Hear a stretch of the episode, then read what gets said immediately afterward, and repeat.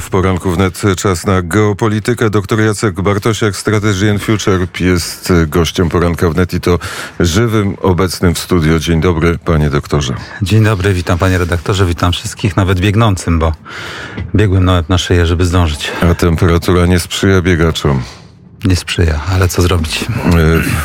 E, refleksje po madryckim szczycie są jakie? No ja mam osobiście słodko-gorzkie. Albo zacznijmy, sól i pieprz. Zacznijmy od gorzkich.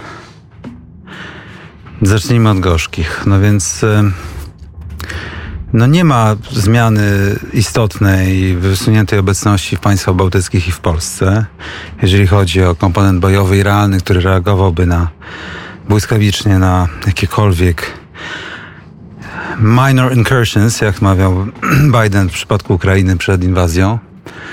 Yy, powołanie oczywiście przy, przy, przy, dowództwa do Poznania Piątego Korpusu jest dosyć ważne, wbrew temu co wielu mówi, ale no nie jest to komponent bojowy i tu zabrakło mi, ale to zawsze w życiu tak jest, tak? To znaczy Polacy by chcieli, żeby Amerykanie wyrównali stawkę ryzyka z nimi, na przykład budując Fort Trump i mając pół miliona wojska z rodzinami na wschód od Wisły, tak? Czyli żeby wyrównać stawkę ryzyka. Ale Amerykanie nie chcą wyrównywać stawki ryzyka. E, z tego również, co zostało ustalone, wynika, że nie ma tak naprawdę zgody w ramach e, europejskich, zwłaszcza sojuszników NATO, na temat tego, czym jest Rosja, jakie jest zagrożenie i nie ma apetytu na wejście do wojny.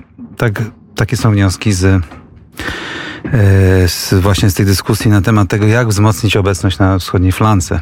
A te, a te informacje, które mówią o tym 300 e, tysięcy żołnierzy, jednak informacje po politycy powtarzają, wschodnia flanka będzie wzmocniona, będzie tu więcej żołnierzy, będą tu e, bazy, te, przyjedzie więcej wojska. To Słowa nie mają żadnego znaczenia. Ma znaczenie ma stawka ryzyka wynikająca ze zdolności realnych.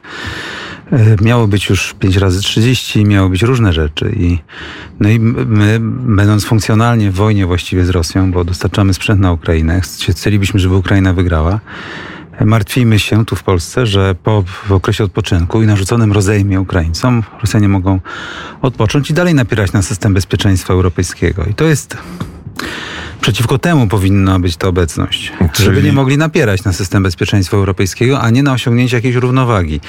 I to jest, y, i to jest y, mówię, czysto z polskiego interesu, bo z, może z interesu natowskiego, żeby ograniczać możliwość wojny, y, to jest może i dobre rozwiązanie. Tylko z interesu Rzeczpospolitej, państw Międzymorza, państw tutaj regionu, dobrze by było, żeby ta reakcja była silniejsza. Znaczy, ty, i, i, również nie ma zmian w polityce y, deklaratywnej jądrowej, tak? Nie, nie ma istotnych zmian. A jakie, jakie mogły być istotne zmiany? No, na przykład uznanie, że że Polska przystępuje do programu Nuclear Sharing i, i, i nawet dyskusję o rozmieszczeniu tak, broni jądrowej na terytorium Polski. I to, i to byśmy też wyrównali stawkę ryzyka trochę Rosjanom. Może takie dyskusje są e, tylko tyle, że nie są komunikowane publicznie. No przecież politycy, zwłaszcza zachodni, demokratycznie lubią komunikować wszystko, zanim coś zostanie e, wyjaśnione, objaśnione i deklarują zawsze więcej niż mniej. To e, rzeczywiście tego e, doświadczają wojska ukraińskie, bo według komunikatów politycznych powinni mieć tyle broni, że wystarczająco dużo broni na to, żeby, żeby odpychać wojska rosyjskie, a ciągle prezydent Zełęński powtarza, tej broni jest za mało. No, mają na pewno stosunkowo dużo broni do małej taktyki, y, lekkiej piechoty i, i starć taktycznych w terenie zabudowanym i sobie Rosjanie wyraźnie z tym nie radzą, doprowadzając do, do sposobu wojowania. Znaczy, no, musząc inaczej wojować zupełnie, tak? Nie ma wielkich zagonów pancernych, nie ma wielkich bitew pancernych, tylko jest wo, wo, artyleria, która y, powoduje no, próbę przesunięcia frontu powolnego między tylko między terenami zurbanizowanymi i później wchodzi dużo bardzo piechoty, głównie azjatyckiej, mówiąc wprost, i czołgi jako efektory wchodzą za piechotą, gdzie są też drony, tak? Nie ma już wielkich manewrów, wielkich, wielkich ruchów tego rodzaju. To się może zmienić, jak upadną te ostatnie miasta Donbasu i Rosjanie wejdą w taki teren, gdzie będzie można wykonywać wielkie manewry, a piechota ukraińska nie będzie mogła oprzeć się o linię obrony aż do Dniepru, tak? I zobaczymy, co Rosjanie wtedy zrobią, bo wcale się ta wojna może nie zakończyć tak dobrze dla, dla Ukraińców. Natomiast no, są też pozytywne, pozytywne rzeczy z, ze szczytu natowskiego, to, bardzo czyli pozytywne. to te słodkie, jakie? Najważniejszym dla Polski jest to, że zostały zaproszone do sojuszu Szwecja i Finlandia. To absolutnie zmienia układ sił w, na pewno w, w obszarze bałtyckim, państw bałtyckich. E, również by, obniżając nam ryzyko przesmyku suwalskiego, korytarza suwalskiego. I docelowo, moim zdaniem, również znacząco zmienia układ geopolityczny w Europie Środkowo-Wschodniej. Wzmacnia Stany Zjednoczone kosztem Niemiec, wzmacnia system natowski, yy, korzystny dla Polski kosztem pomysłów kontynentalnych, które Francuzi i Niemcy mieli. Znacząco zwiększa zdolności obrony, roz, rozprasza Rosję na ogromnym froncie. Akurat Szwecja i Finlandia mają zdolności wojskowe, mają system wojskowy. E, to są, to są bardzo poważne wzmocnienia, rozciągające Rosjan znacząco i wydaje mi się, że będziemy szukali tutaj bilateralnych różnych rozwiązań operacyjnych z Polska z Szwecją i Finlandią. E, daje nam to zupełnie niesamowite nowe możliwości zbudowania koalicji blokującej Rosję w tej części świata, z północy na południe, bez oglądania się na Niemcy i na, na Francję. Mam nadzieję, że ten proces zostanie dokończony, przystępowania i to jest najważniejsza rzecz ze szczytu w Madrycie. To są rzeczy, które strukturalnie zmieniają, zmieniają e, postać rzeczy.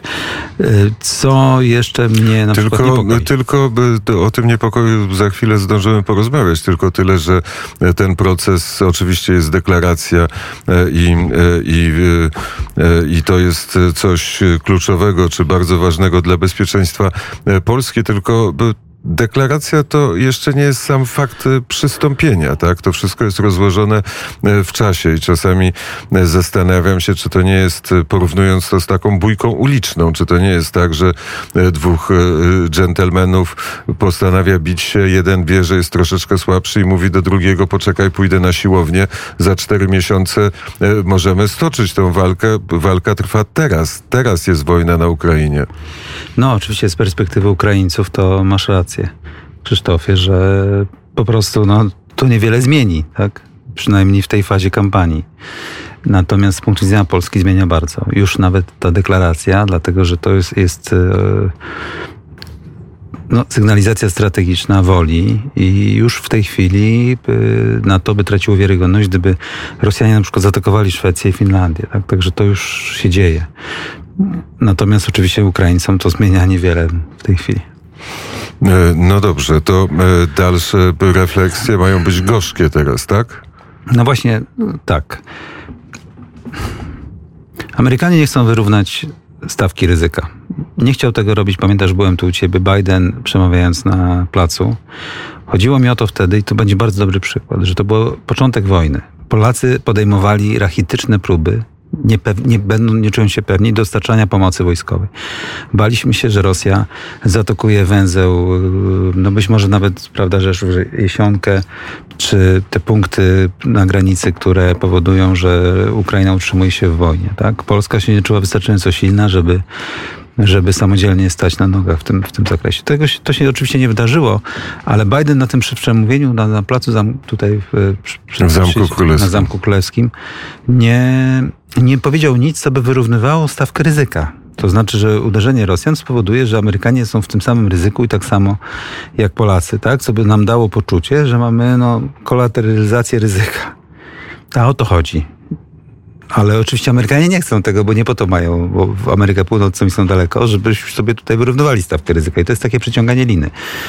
Natomiast no, było ryzyko, że Rosjanie naprawdę mogą uderzyć. Wszyscy żeśmy się wtedy bali, tak? I no dobrze, ale to ryzyko już teraz nie ma tego ryzyka, jest, jest, no, jest mniejsze, bo Rosjanie nie, nie, nie wykonali tego, tego uderzenia i, i później przegrali operację pod Kijowem.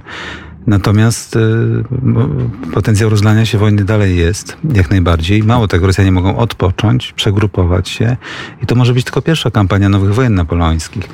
A Amerykanie po prostu balansują tutaj dwie eskadry, tam dowództwo, tutaj jedna brygada rotacyjna, tu trochę sprzętu, no nie wiem, no to jeszcze cały czas widzę tweety Bridge'a Colbiego, który za prezydenta Trumpa był głównym architektem strategii wojskowej w Pentagonu i który mówi, że nic nie do Europy, nic do Europy, Europejczycy sami. a, a my na Pacyfik. I zastanawiam się, czy cała to, cała to, całe to postępowanie Amerykanów ma nie utrzymać wiarygodności amerykańskiej, owszem, utrzymać amerykańską supremację w Europie, ale Amerykanie tak to robią, tak gotują tą zupę, żeby to Europejczycy wystawili te zdolności. I tu pojawia się mo, moje zmartwienie, polegające na tym, że Europejczycy w zachodniej Europie nie mają zasadniczo zdolności, nie mają ochoty. Nie mają zasadniczo zdolności, nie mają ochoty. W związku z tym to my będziemy wystawiali, Polska będzie wystawiała wojska lądowe do wojny z Rosją, tak? Nie ma co do tego żadnych wątpliwości. I uważam, że powinniśmy zadilować z Amerykanami. No, konkretne powinniśmy dostać rzeczy za to, że my wystawimy główne wojska lądowe natowskie do wojny z Rosją ewentualnie. Tak, bo na razie wystawia te wojska Ukraina. Ukraina wystawia te wojska w tej chwili. My jesteśmy następni w kolejce i widać, że Amerykanie nie mają apetytu na wojnę lądową własną i będziemy musieli E, dokonać reformy wojskowości w odpowiedni sposób, ale no, powinniśmy od Amerykanów uzyskać jakiś deal partnerstwa w tym no, zakresie, na przykład sprzętowy. Reformujemy naszą e, armię. Z tego, e, co pamiętam, uważasz, że ta reforma powinna albo pójść w innym kierunku, albo być uzupełniona przez też tą koncepcję nowej armii. W ogóle te, myślę sobie, że trzeba zbudować cały gmach tego, jak, jak się do tego powinno podchodzić. Najpierw wielka strategia, później strategia rywalizacyjna z Rosją dotycząca nie tylko wojny, tylko innych rzeczy, ekonomiczna, kulturalna nawet. Z niej powinna wypływać dopiero strategia wojskowa, a potem dopiero koncepcja operacyjna. My przy Armii Nowego Wzrostu zrobiliśmy koncepcję operacyjną z elementami strategii wojskowej na jesień 2021 roku, gdzie głównym punktem zmartwienia byłoby, żeby NATO zadziałało, a zatem nie mogliśmy robić działań ofensywnych. Żeby NATO nie, nie odmówiło artykułu 5, zatem nie mogliśmy atakować Rosjan już na Białorusi zaraz na samym początku wojny, żeby nie było rozegrania nas, tak?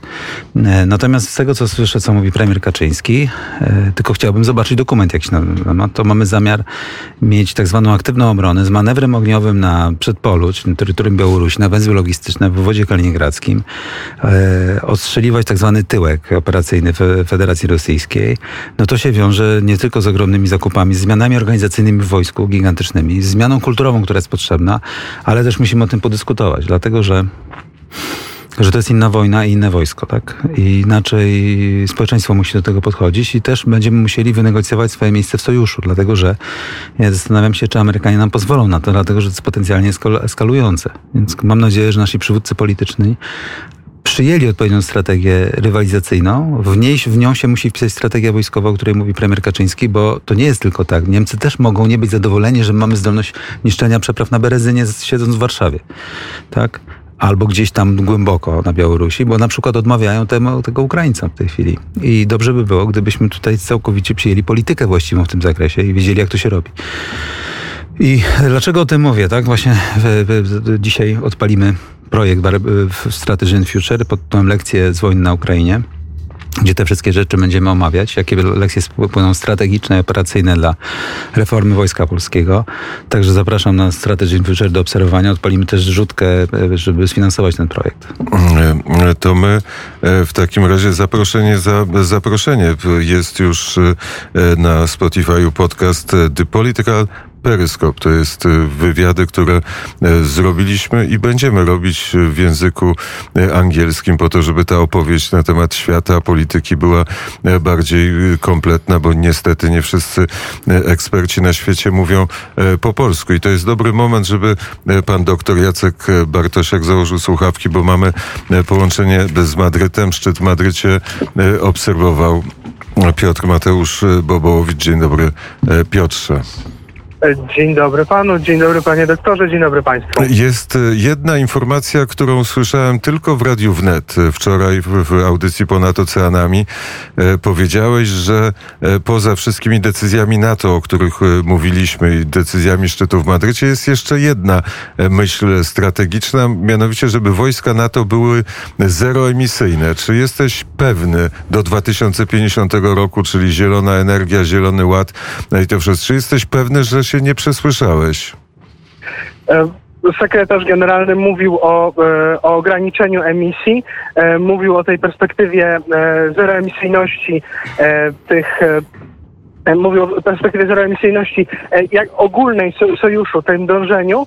E, Natomiast e, no, wiadomo, że tutaj e, nie chodzi o to, żeby e, czołgi nagle stały się elektryczne, bo to jest to e, siłą rzeczy e, niewykonalne. Bardziej prawdopodobnie chodzi tutaj o rekompensatę w jakiś sposób e, tej emisji e, CO2, którą sojusz e, gdzieś tam e, prze- przez swoje działania wytwarza.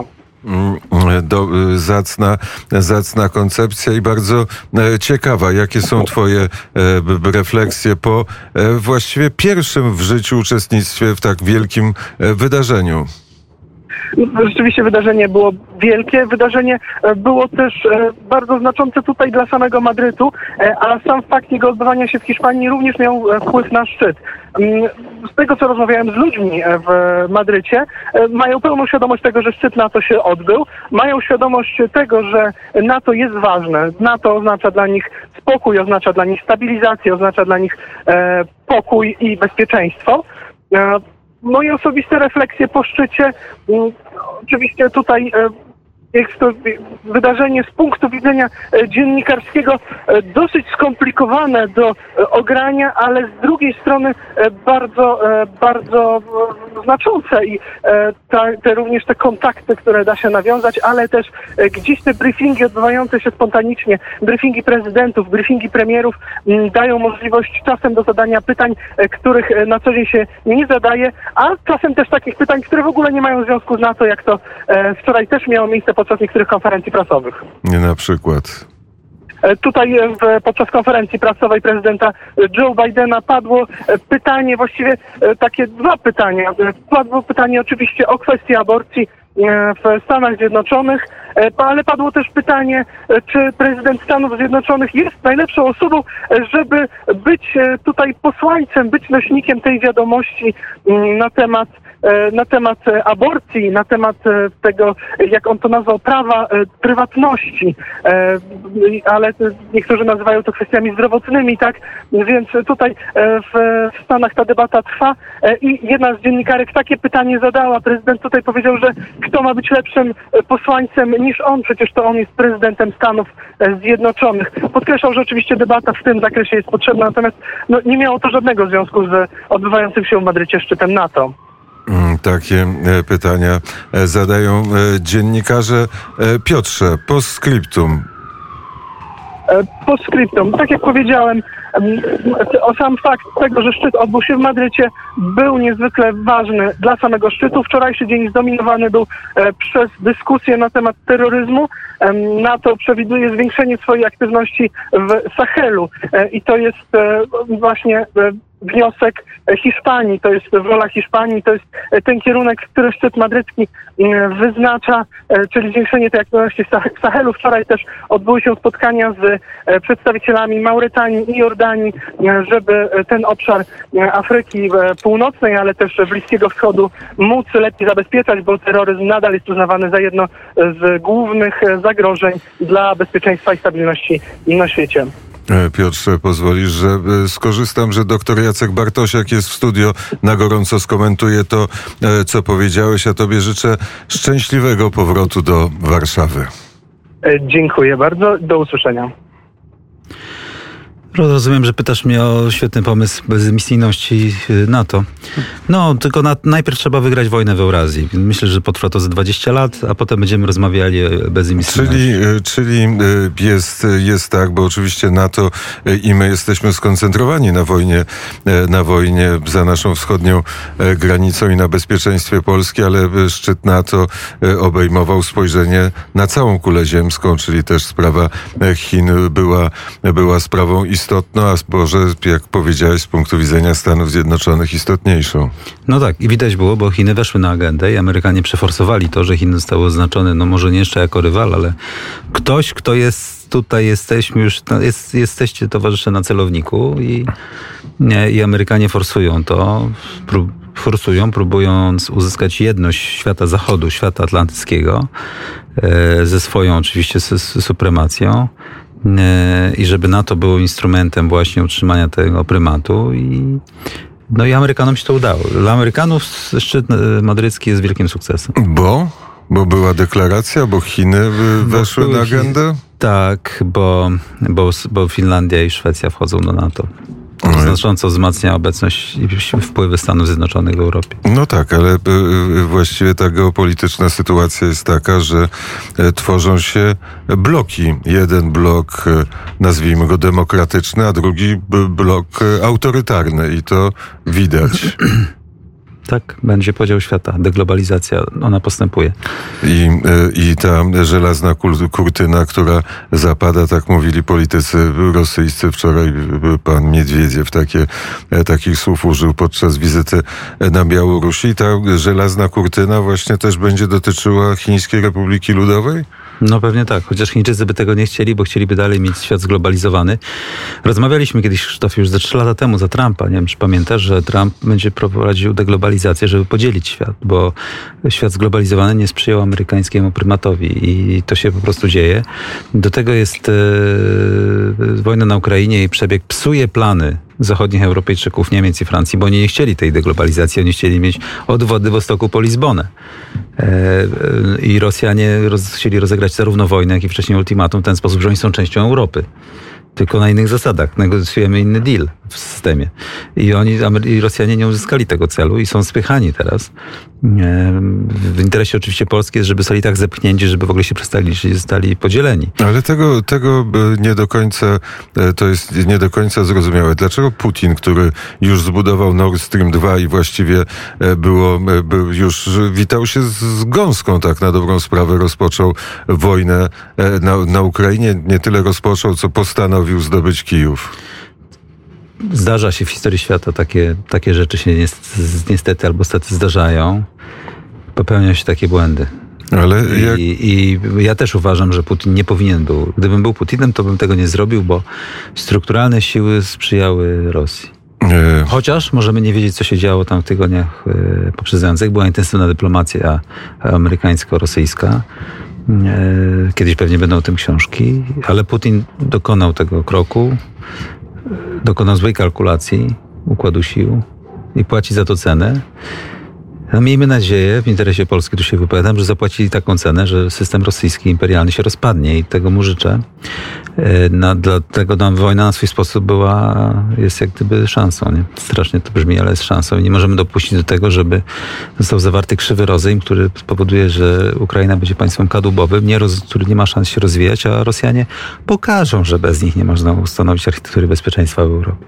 Ta, e, E, wojna jeszcze potrwa rzeczywiście w interesie e, Polski. Jest, e, to jest oczywiste. Zwycięstwo Ukrainy w interesie Polski jest pozbycie się Łukaszenki, żeby też Białoruś mogła w którymś momencie przystąpić do wolnego świata. Wtedy, wtedy jak popatrzymy na mapę, to ta mapa przypomni nam dobre czasy. Tak, y, przyszłość Białorusi rozstrzygnie się jak zawsze w dużej wojnie w Europie Środkowo-Wschodniej. Zazwyczaj była to wojna między Polską czy Rzeczpospolitą a Moskwą.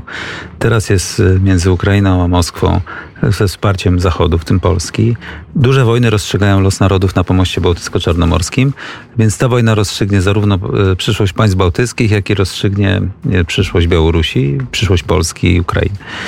E, I rzeczywiście widać wyraźnie, że mamy funkcjonalny sojusz Międzymorza, który nawiązuje, no oczywiście jeżeli chodzi o układ geopolityczny z dawną Rzeczpospolitą, ten układ, który powodował, że Moskwa nie mogła prowadzić polityki w Europie, była poza systemem europejskim i który powodował, że no, mieliśmy tutaj możliwość rozwoju cywilizacyjnego. No i to, właśnie jest wojna o ten układ.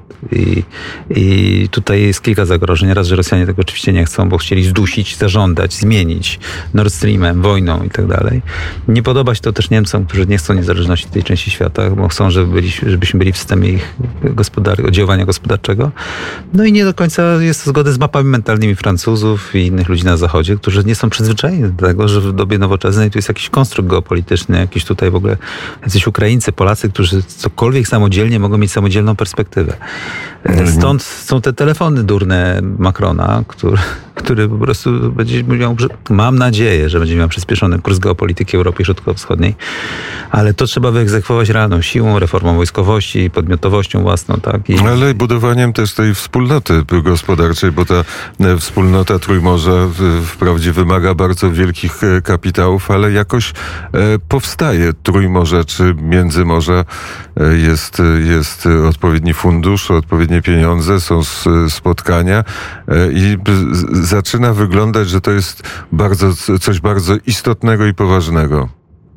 Zobaczymy.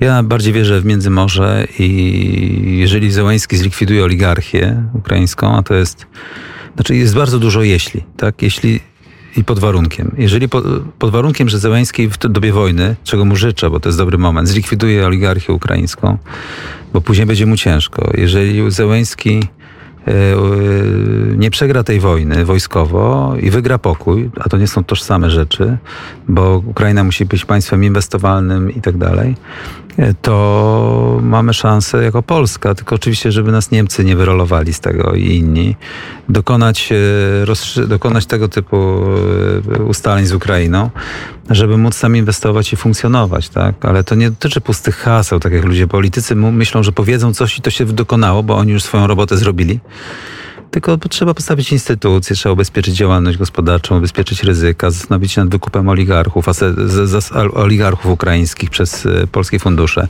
stworzyć system funduszy prywatnych polskich, e, pomyśleć o przetwórstwie rolnym, zastanowić jakie są synergie gospodarcze, co mają Ukraińcy, czego my nie mamy i odwrotnie, jak wykorzystać prawo asymetrii, żeby połączyć siły, tak, zbudować nowe rynki, stworzyć nowe łańcuchy powiązań, które są niezależne od Europy Zachodniej. Jak nie przemysł kosmiczny, to przetwórstwo rolnicze. Jak nie obrót ziemią rolną, to inne rzeczy. Jak nie przemysł taki, to, to siaki. Jak nie banki polskie na przykład, to może coś innego.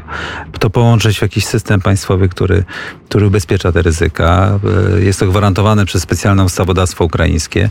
Jest bardzo dużo no, te, te, tego typu pomysłów, ale to trzeba porozmawiać, trzeba zrobić burzę mózgów z prywatnym polskim biznesem, bo polski państwowy biznes będzie dużo bardzo deklarował, a nic nie będzie robił naj, najprawdopodobniej. To musi być wsparte twardymi gwarancjami ukraińskimi, no, które trzeba wynegocjować u Zeleńskiego, popartymi siłą państwa ukraińskiego, które nie może przegrać wojny, nie może jej przegrywać i musi cieszyć się autorytetem wśród narodu ukraińskiego. Innymi słowy, bardzo długa droga. Obawiam się takiego scenariusza, że na końcu i tak przyjdą Niemcy i będą inwestować na Ukrainę, bo mają pieniądze i organizacje i państwo niemieckie sprzyja takiemu, no i a my powiemy, no przecież to i tak Zachód jest, no to wszystko jedno, prawda? Kochajmy się jak bracia, a liczmy się jak Niemcy, co powoduje, że Niemcy oczywiście będą coraz bogaci i potężniejsi, a my będziemy pamiętać, jak pięknie wspieraliśmy sprzętem wojskowym Ukrainę i, i co z tego wyszło powiedział dr Jacek Bartosiak. Bardzo e, serdecznie dziękuję za rozmowę.